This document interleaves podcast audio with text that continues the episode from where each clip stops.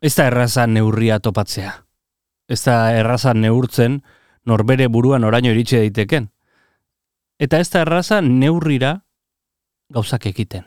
Guk neurria topatu diogu ikasturte berri honi, eta asier erraztiren baibenarekin gaixo dagoena, bide batez, hemendik musu bat berriz ere, nik hartu dion neurria, ispilu beltzari.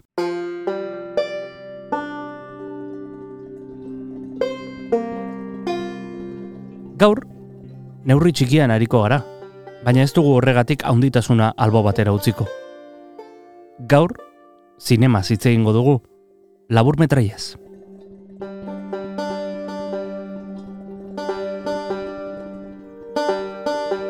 Neurri gabetasuna ez da gauza ona, eta neurri batera doitu behar izateak askotan, askeago egiten gaitu. Bide bat erakusten digu, Era berean, neurri txikira doitzea ez da erraza izaten. Eta historio bat neurri txikian maixuki kontatzea, maixu handien eskura baino ez dago. Donoskino jaialdia hasiko da Donostian, gaur hasi eta urriaren amalaura bitartean. Eta guk, Ester Eskudero izango dugu bertan, izpilu beltzean, jaialdia ziz egiteko.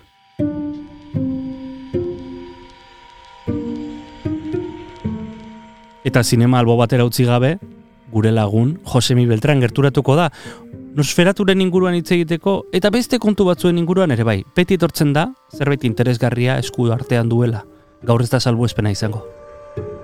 Espero dugu entzule zuk ere neurria topatu izana zeure bizitzari, zeure ikasturteari, zeure familiari, zeure lanari, eta neurri horren barruan, askeago izatea.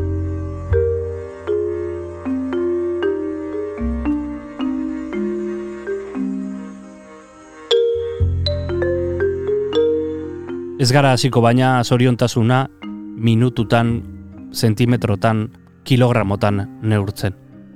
Guk, zoriontasuna, historiotan neurtzen dugu. Guazen izpilu beltzarekin.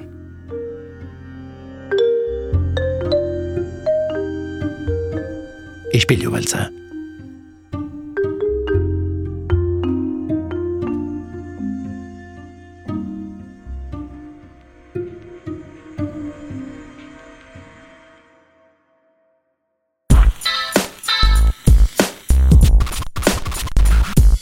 Donostia Kultura Irratia. Entzun eta erabili.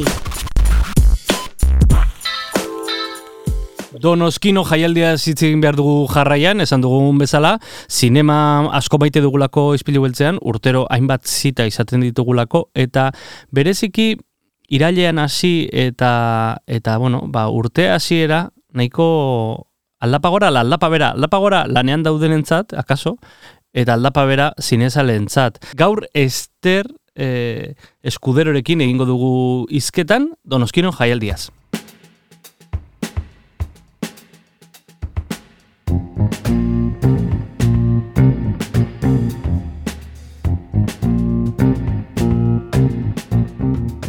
Egunon Ester?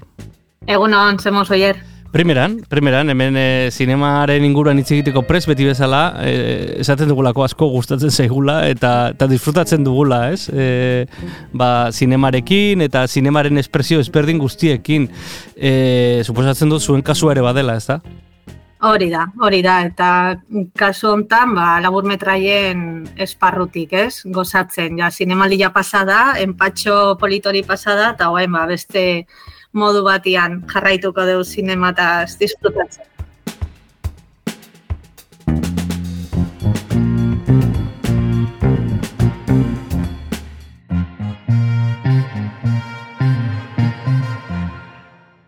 Tira, urriaren amaiketik eh, amalaura bitartean izango da e, antzokizarrean, donoskino jaialdia. E, hortaz, itzegin aurretik, esan duzu zinemaldia, e, laizter beldurrezko aztean, nolako harremana duzu beste jaialdiekin? Zuek ere disfrutatuko duzu bereien festetan, ezta?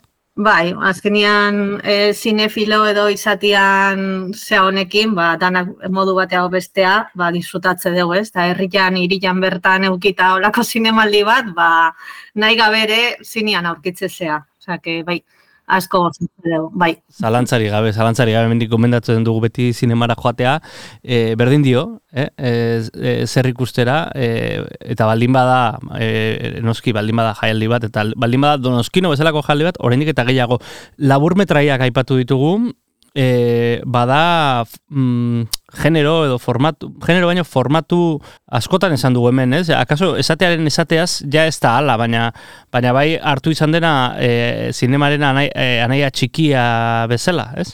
Mm, bai, hartu izan da eta jarraitzen du izaten. Kontua da azkenengo urtetan behintzat eta ez azkenengo urtetan e, eondalare bai e, jarraipen bat laburmetraien munduan mm genero bezala eta formato bezala identidade bat dakana eta zinegile oso oso ospetsueke bai formato hortara bueltatzen dira. Ez da beti e, gazte izan, e, zinean hasi eta eman nahi den pausua bezala. Osa, jende asko Viktor Erizetik hasi eta partxangok e, pasata, e, labur metraia moriartikuak ebai, osa, danak bueltatzen dira formato hortara, batzutan historiak formato hortan e, egitea eskatzen dulako, ez? Mm -hmm. txiki bai, baina oso handi diare bai, laur metraiak. Zalantzari gabe, e, sekulako pelikulak e, bueno, ikusi izan ditugu, ez? E, formatu honetan, eta mm, donoskinon ja, bueno, eskarbentua badaukazue, e, dagoeneko okrespanago zazpigarren e, atala duzue, eta Eta tira, e, pelikula asko pasa dira bertatik? Ba, bai, asko. E, nire harremana egia esan donoskinokin pixkat izan da noiz behinkakua, nire lanangatik. Bai. Baina jarraipena beti eukidet, eta beti ikusi izan ditut e, labur metraiak bertan parte hartu, eta eta bai, ja, zazpi urte dia, eta formatu eta forma oso politxa e, dakae, o dakau, e, labur metraiak aurkesteko donostin, bai, uh oso modu originalian, bai. Tira, e, guazen repasatzera, no, nola izango da jaialdia? Ze formatu daukan? E, jendeak ze jakin beharko luke? Bueno, ba, jendeak jakin berdun lehenengo gauza da, e, debalde dala. Osea, azkenian zinean juteko batzutan e, zera, e, zera kargarri jaiteko esatea garestia dala, edo labur gatik ordaintzia, ez, ba, pixkat, e, ba, bueno, ba, igual kontra edo egotia daka, ez, eta kaso hontan, izango da, amaiketik amairura e, emanaldiak e, labur metraienak, oza, pixka bai. edo parte hartzen dutenak kompetizioan, eta larun batian gala da, sari banaketa e, aurkezpenakin, e, sari banaketak egongo dira, eta egunero zazpiterditatik aurrea, izango dira emanaldi danak, ba, azte azkenetik, larun bat arte, Eta gonbidapenak egun bertan, egunero, hartu berdia sarrerak. E, antzokizarreko lehiatilan ordutegian, bai goizez, bai arratzaldez. Mm Tira, bai. e, sinema ez da e, musutruk, e, sinema e, egiteko e, ba, jendearen lan ordaindu behar dago, baina esango dugu zuena dela opari bat, ez? E, Zinezaleentzako opari bat. Hori da, hori da. Egia da laguntzarekin ite deula, azkenean Donostia kultura da osartuta, Donostiko udala, Gipuzkoako Foru Aldundia eta mm Kutxaban Fundazioa, baino eta lantalde txiki txiki batek egiten du lana, e, ba, aukera hau eskaintzeko, ez? Bai zinegilei behaien lanak erakusteko aukera mateko eta bai jendea jundadin, ez? Eta jende guztia, mundu guztia dago gonbidatuta -hmm. parte hartzea, bai. Bo, Itzein dezagun aurtengo e, bueno, lehiaketan parte hartuko duten filmen inguruan, ze, ze azpimarratuko zenuke?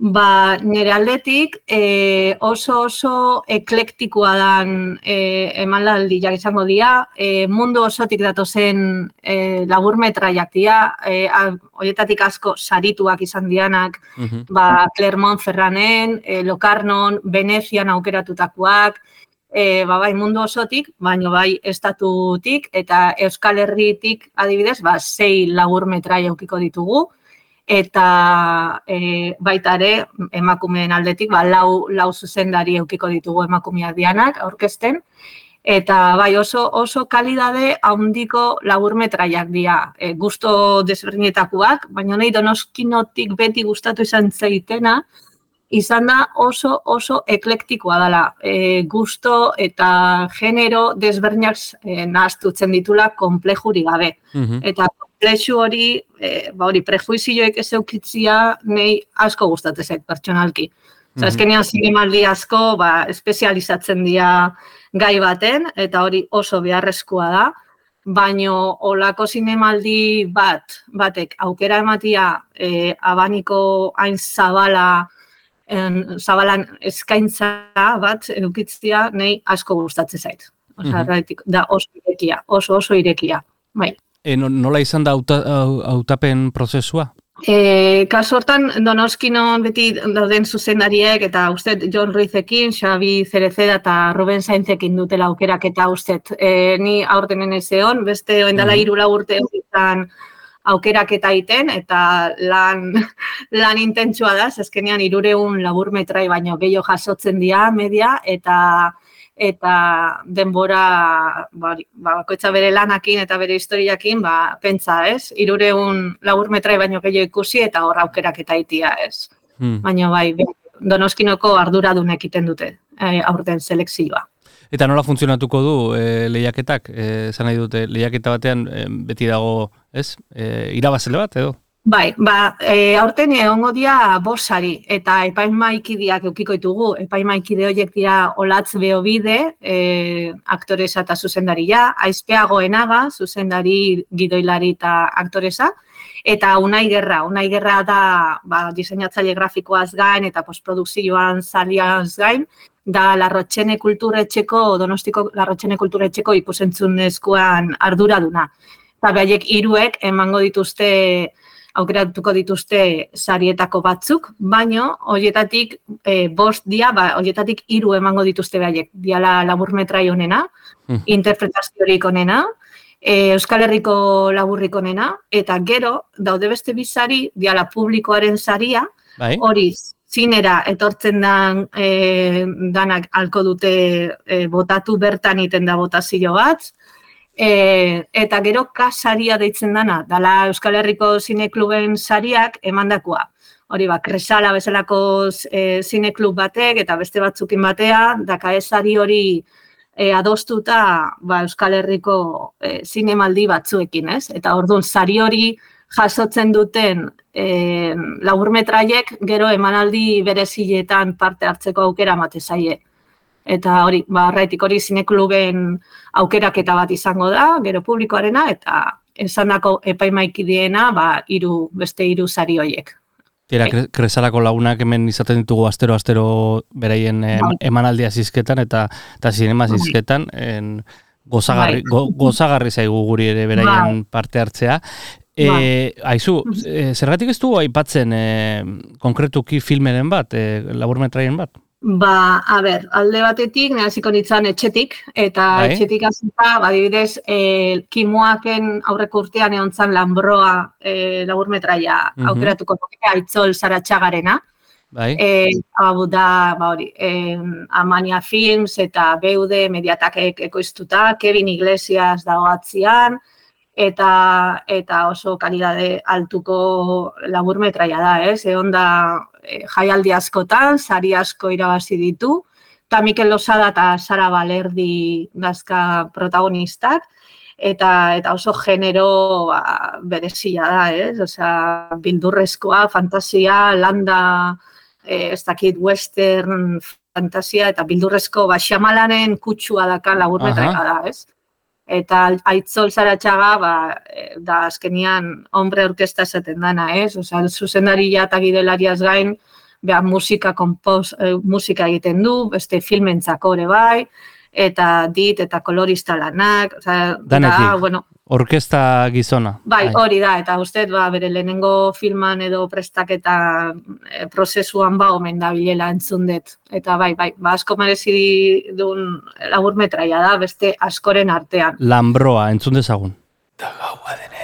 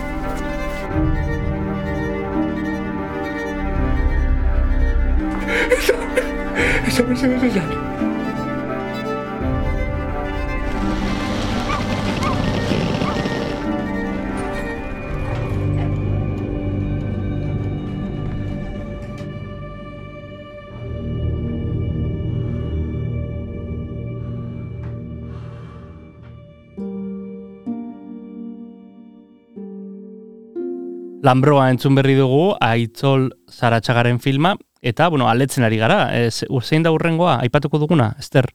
Bai, ba beste bat emakume batera saltatzeko edo e, tria e, laburmetraia aipatuko nuke, ba, bereziki gustatu zaitena, ez? Mhm. Danak ikusi berri izan ditut eta da Giulia Grandinetti, italiar e, zuzendari emakume batena.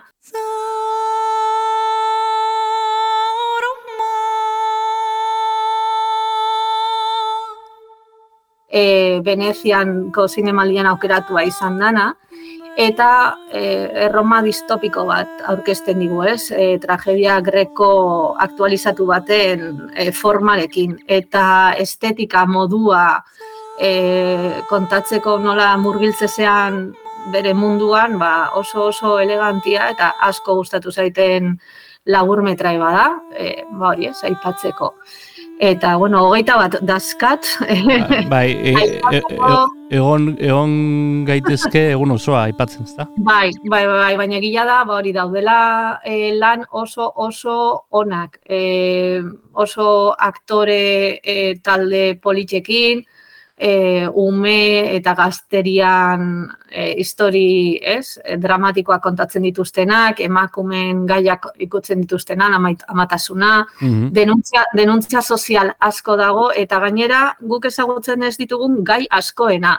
Guretzako e, gure zonan e, mendebaldean esatekotan e, ezagutzen ez ditugun gaiak ikutzen dira eta niretzako oso oso gar, ez dakit, oso poli, interesantia izan da. Adiez Malasiatik datorkigu lagur, laburmetrai bat, Zelanda berritik, eta beste, beste histori gogor bat e, urdu hizkuntzaren inguruan dauden ba, arrazakeri eta Aha. eta arazoak e, karatxiko ez, e, zonan, ez, Pakistanetik datorkigu beste beste zat, laburmetrai bat. Orokorrian oso oso laburmetrai interesgarriak. Oso, oso interesgarriak eta mundu guztitik ekarriak. Bai, bai, bai, mundu guztitik. E, Frantziti, Suiza, Pakistan, mori Malasia esan dut, e, Zelanda berritik datorkigu bat, Berlinen parte hartu duna. Espainiatik ere baten bat, ez? Espainiatik, bai, Espainiatik Galizitik e, dator, ba, netzako poesia dan e, laburmetrai bat, Ulises, da zuzendaria Felix Brisel da, Mhm. eta aktore bezala e, Diego Anido, dago, da, Diego Anido da Asbestas, za- e, Sorogoyenen Asbestas filmetako protagonistetako bat, anaietako bat, Eta Bai. orain zinemaldian irabazi dun e, e, pelikularen okornon e, bai parte hartze omen du. Nik ezin izan dut ikusi okorno oraindik, baina hor omen dago Diego Anido. Mhm. Oso aukera politare bai berriz ikusteko gizon honen lana. Bai,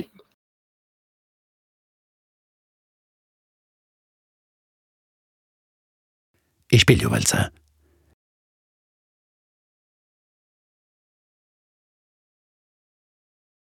Bueno, aukera polita oroar e, e, donoskinok eskintzen diguna, esan dugun bezala gainera musutruk e, zinemara joateko aukera. Aizu, eta sarrerarik gabe geratuz gero, nola, nola funtzionatuko sarrerarik e, sarrera eskatu behar da, gonbidapenak eskatu behar dira? bai.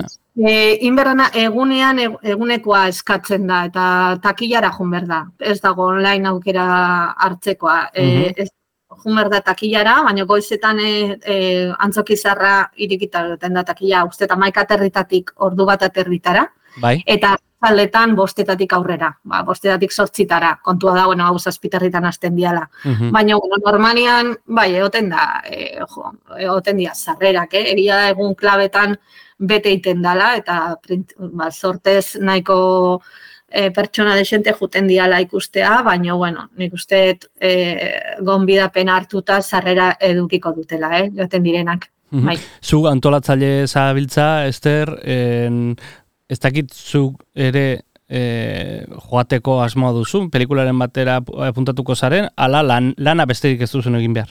Ez, zakozu hontan e, lana aldez aurretik izan da eta bitartean gonbidatuak etorriko dira e, gonbidatu batzuk. Hau, e, eta horiek pixkat zaindu, bila joan, e, ba, hori, pixkat ikusi nun egingo duten lo, ze azkenean etortzen direna kanpotik eskaintze zaie e, ba, hori donostin lotan gelditzia, eta pixkat hoien hoien pendiente on berdet, baina segurazki ere bai antzokizarrian aurkezpen hain berko dut edo edo entzat ongi etorri ja eman, ordun hor izango gea e, iserita gero jende artean edo banbalinatan, baino horre ongo gea donoskin ona aurten gaudenak. Mhm. Tira, e, jendeari gomendatuko diogu sarean donoskino e, bieserekin.comen Hori da. sartzeko donoskino.com eta hor ba, ba aurkituko dute aurtengo gitaragoaren berri eta eta tira e, ze film e, ikusi izango diren aurtengo donoskino jaialdian Sarrerak Bai. suposatzen dut donostiakultura.usetik. E, zarrerak pertsonalki, oza, Hori, e, da, berta, bertaratu egin behar da takilara hori da. Bai. Egunean Bertaratu. bertan, ez da? Bai.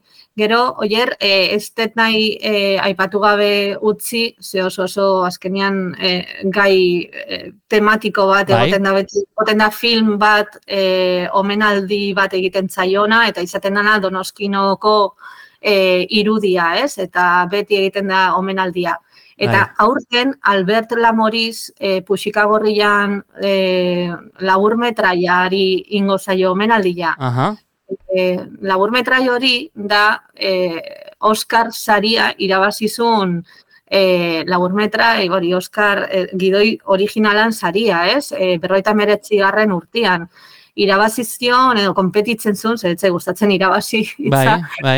baina e, aizan La Estrada, Feliniren La Estradarekin zeon batera Leian, e, bai. leian eta eta puxikagorri hau irabazizun eta horrek eh, erakar, ekarri zuen egoera berezi bat estatu batutan. Estatu batutako hezkuntza sisteman Bai. eh, ikus- ikusten dituzte Oskarrak irabazi dituzten pelikulak.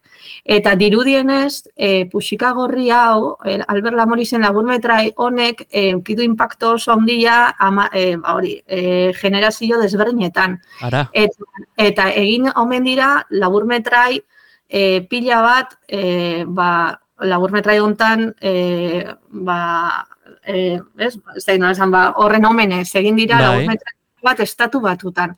Ba, aurten, e, puntu berezi bat bezala, e, daude bigon bidatu, e, estatu batutatik datozenak, beraien laburmetraiak aurkestera. Ara. E, bai, eta orduan, larun bateko saioan, larun batea dela sari banaketan eguna, hor e, ahal, ikusi ahal izango dira hiru laburmetraiak. Bai, pusika gorria originala, e, birmastera zintuta, bueno, eta hola berrituta Bai. kopia.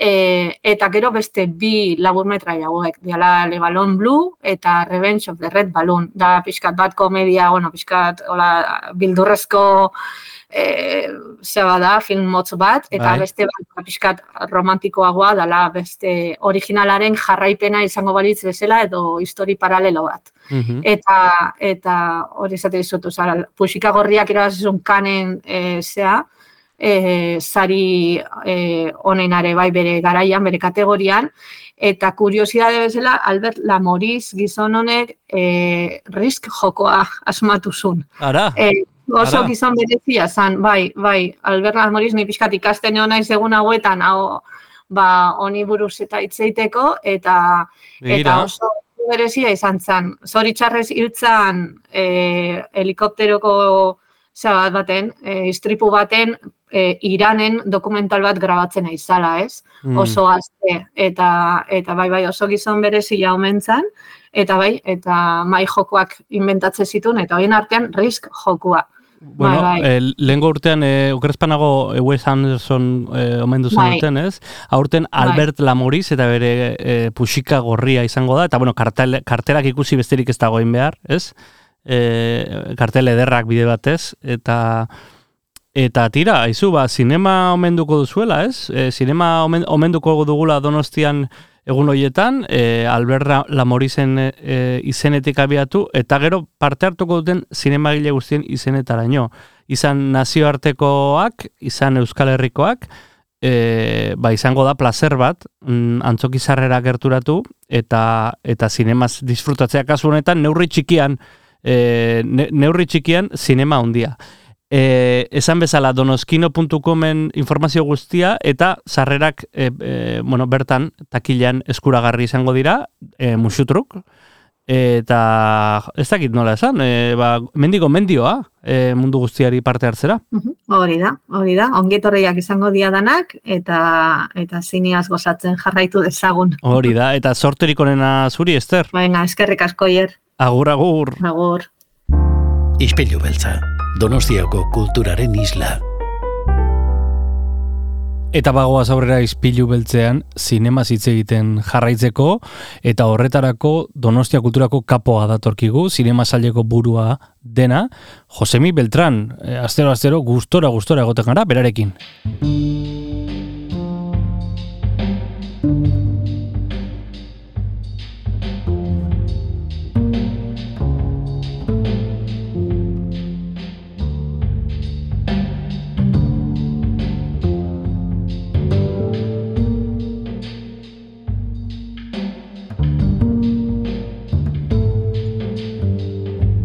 Josemi Beltran, egunon, Kaixo, egunon, ze moduz. primeran, zurekin egoteko desiatzen, gaur, e, gainera zinema doble, e, e, zer nahi zenuen, kafesne bat, bat bi, ez? E, e, donoskinoko lagunekin hitz egin dugu, eta orain zurekin. Bai, gainera, bueno, ba, benetan interesgarria beti dator. E, Fril laburgen jaialdia donostino, oza que, bueno, merezi, merezi duara urbiltzea, naiz eta kompetentzia ere egin gu ere, baina, bueno, beti badaude kontzidintziak, e, hori ja da, iaia zinezkoa ez kontziditzea. Bai, zalantzari gabe, esaten genuen, e, bueno, errepikatu du mila aldiz ja, ira, irailetik hasi eta, bueno, ja, urte osoan zer, zinema dagoela nahi duenarentzat egunero, ez? E, izan e, zinema komertziala, izan nosferatu, izan beldurrezko astea, zinemaldia, donoskino, e, giza eskubiden jaialdia, Bai, bai, gainera hori, ba, ba baita ere, hori, zuk esaten duzuna, karteldegi komertziala baitan dago beti, bueno, afil laburrak ikusteko aukera aukerazko eta bueno, aste honetan ba komentatu dugu kodeu bereziki ba bueno, ba aste honetako nosferatu emanaldia baita.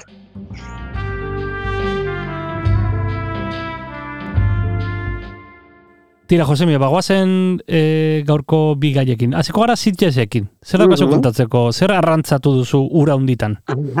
bueno, ba ora, oraindik eh, oraindik jarraitzen du, eh? Oraindik jarraitzen du eh, festivala, oraindik asteburu Mhm. datorren asteburuan bukatuko da. E, baina, bueno, gu batez ere egon gara lehenengo asteburuan, alde batetik e, inaugurazio ekitaldian, e, bueno, apako, Paco Plazaren film berria ikusi dugu, Hermana Muerte, mm, e, bueno, ba, la abuela egin eta gero, e, Paco Plazak ba, sortu du ba, e, erligio eta mamuen historio bat, oso gotikoa, eh, konbentu batean kokatutakoa, baina Bai. zoritzar, zoritzarrez edo, edo, edo ez zoritzarrez Netflixen ikusi gai egongo da bakarrik, mm? e, Mm. ez, da, ez da egongo sinema aretoetan, baina orain laster laster estrenatuko da Netflix plataforman eta benetan gomendatzen dut. Mm? Zere, bueno, film honekin e, Paco Plazak e, azaltzen du ze ze punturaino heldu den, mm? e, batez ere, bueno, ba, e, kalitate visualari dagokionez esan dezakegu. E, benetan oso film estetikoa da, mm? e, historio polita baita, pizkat eroimen historikokiz, historikoarekin zeo harreman bat badauka, baina batez ere da, da e, mamuen eta eta mojen e, bueno, historio bat, eh? e, eta bentan oso polita ikusteko, bai, argazkia, arte zuzendaritza, bueno, gomenda, gomendatzen dut, naiz, naiz eta kantu honet, kasu honetan, bueno, ba, Euskalduna ez izan, e, zeren beste e, bai, Euskal ordezkari batzuk egon dira eta egongo dira zitzezeko zinemaldian, baina, baina bueno, bai, Pako Plaza ia, ia etxekoa da. Bai, Eta, eta horregatik, ba, beti, beti, bueno, ba, ba, asko itxaten ditugu ba, bere, bere, bere lanak eh, fantasiasko eta abenturazkoaren eh, munduan. hori, eh, oker espanago, eh, eh, izenburua da, eh, Hermana, Hermana Muerte. muerte. Hermana. Muerte, Paco Plazarena, eh, Sitgesen ikusgai, eh, Netflixen esan duzu, ez, gero, eta tira, gomendatuta gelitzen da. Eh, bertako zerbait aipatuko dugu orduan, orain, ez? Bai, e, zeren aste honetan baita esteinatuko da La Ermita, hm? Carlota, Carlota Peredaren filma, e, bueno, ba, lasteri itxeingo dugu filmari buruz, eren Bai. esteinatuko da Zaharoaren erdian, eta itxeingo dugu gehiago, e, baina La Ermitaz aparte, adibidez, Aritz Moreno, aurkeztuzun bere film berria, Ventajas de viajar en tren egin eta gero, orain e, Moscas sortu du, da Argentinako ekoizpen bat, Ernesto Alterio protagonista, eta komedia beltza da, nik ez dut ikusi, e, nik ez dut ikusi, baina kritikak oso oso onak izan dira, e, Aris Moreno Donostiarraren ba, ba, lan, lan berri hone- honentzat. E, eta baita ere beste euskaldun bat aipatzeagatik, e, ba Jorge Gerrikatxe Barria, gidoilariak, e, bueno, ba jaso du e, orezko melie bat Eu- Europako e, beldurezko zinemaldien ba, orezko, orezko saria. mm? Eta aurkeztu du Ales de la Iglesiarekin batera, ba 30 monedas e, telesail e, berria edo denboraldi berria. Telesail honen e, denbora, denboraldi berria. Aipatuko nuen bere momentuan telesaila uste dut, eh, Bai. eh, gustora ikusi zenuen. Ba, ni, ni asko gustatu zitzaidan eta bueno, ba e, orain lehenengo irudi batzuk ikusi dugu, e, Bai. bigarren denboraldi honetako, bueno, ba, aurrerapen bat eta bueno, ba, ba, eroagoa ematen du, e, basatiagoa esan dezakegu eta Ales de la Iglesia izan da hori esatea asko da, askoz basatiagoa kasu honetan. E, eta, bueno, ba, benetan ikusgarria ikusi duguna han jarraitzen dute, ba, bai Macarena Gomezek, e, Bai. e, bueno, Eduard Fernández, e, protagonista baita, Miguel Ángel Silvestre, bueno, eta, eta badakizue, ba, ba, ba baita ere, ba, ka, ka, katoliko kondaira bat, eta handik aurrera, ba, deabru, deabrua eta jainkoaren arteko Mhm. e, borroka edo, mm, e, baina hori bai, e, Ales de la Iglesiaren estiloarekin. Hori guztia Sitgesetik, hor eh, gure kronikatxoa, orain tartetxo bat hartuko dugu, eta segidan Nosferatu hitz egingo dugu. Ispilu beltza. Asier errastirekin.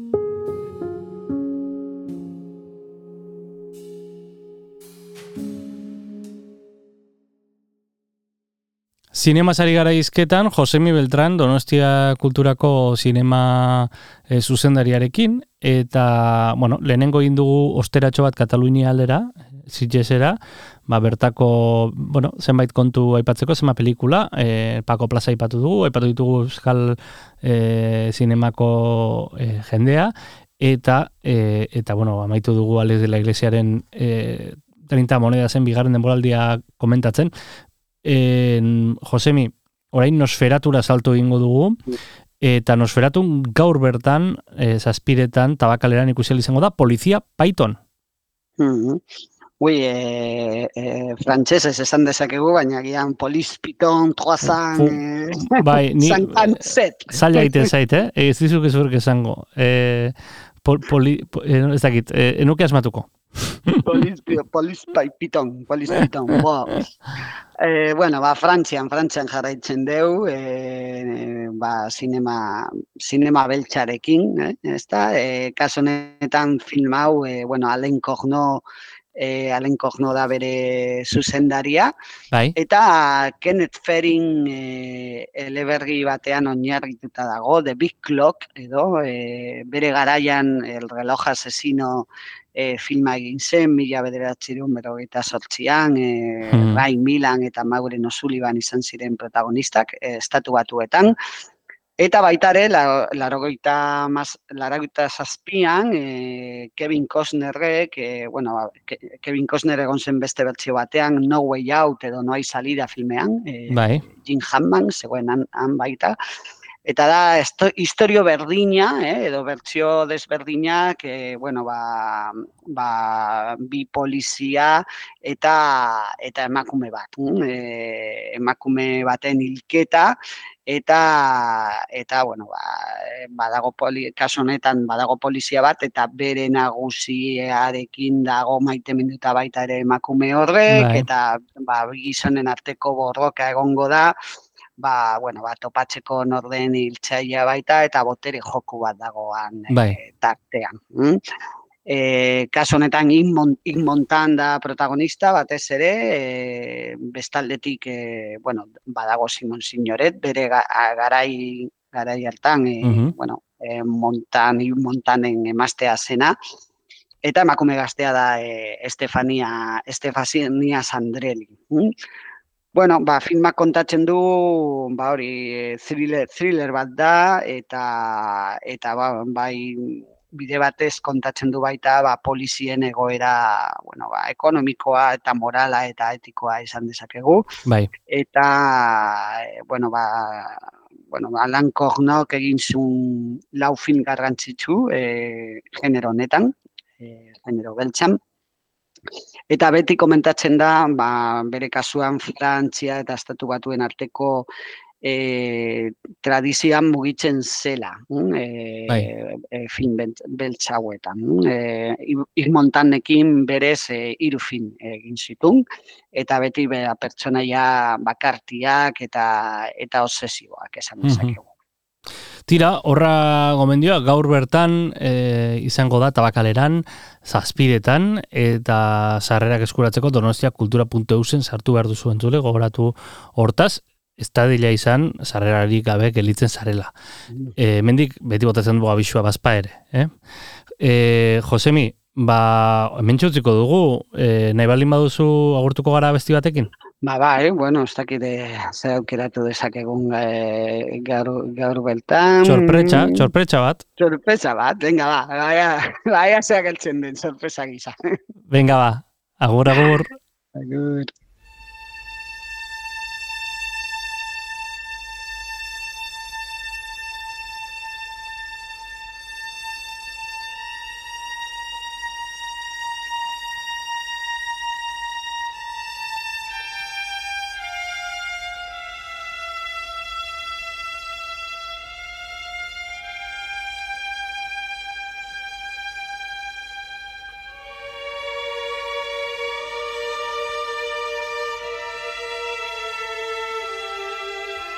Saio agurtzeko George de Leguren e, pieza bat jarriko dugu, hain zuzen ere, Police Python irureun da berrogeita mazazpi filmeko azken soundtracka, eta horrela agurtuko zaitugu entzule, hau izan da izpilu beltza, gogoratu edo zein audio plataformatan arpietu zaitezkeela, eta eskartuko dizugula lagun artean banatzen eta zabaltzen balin baduzue.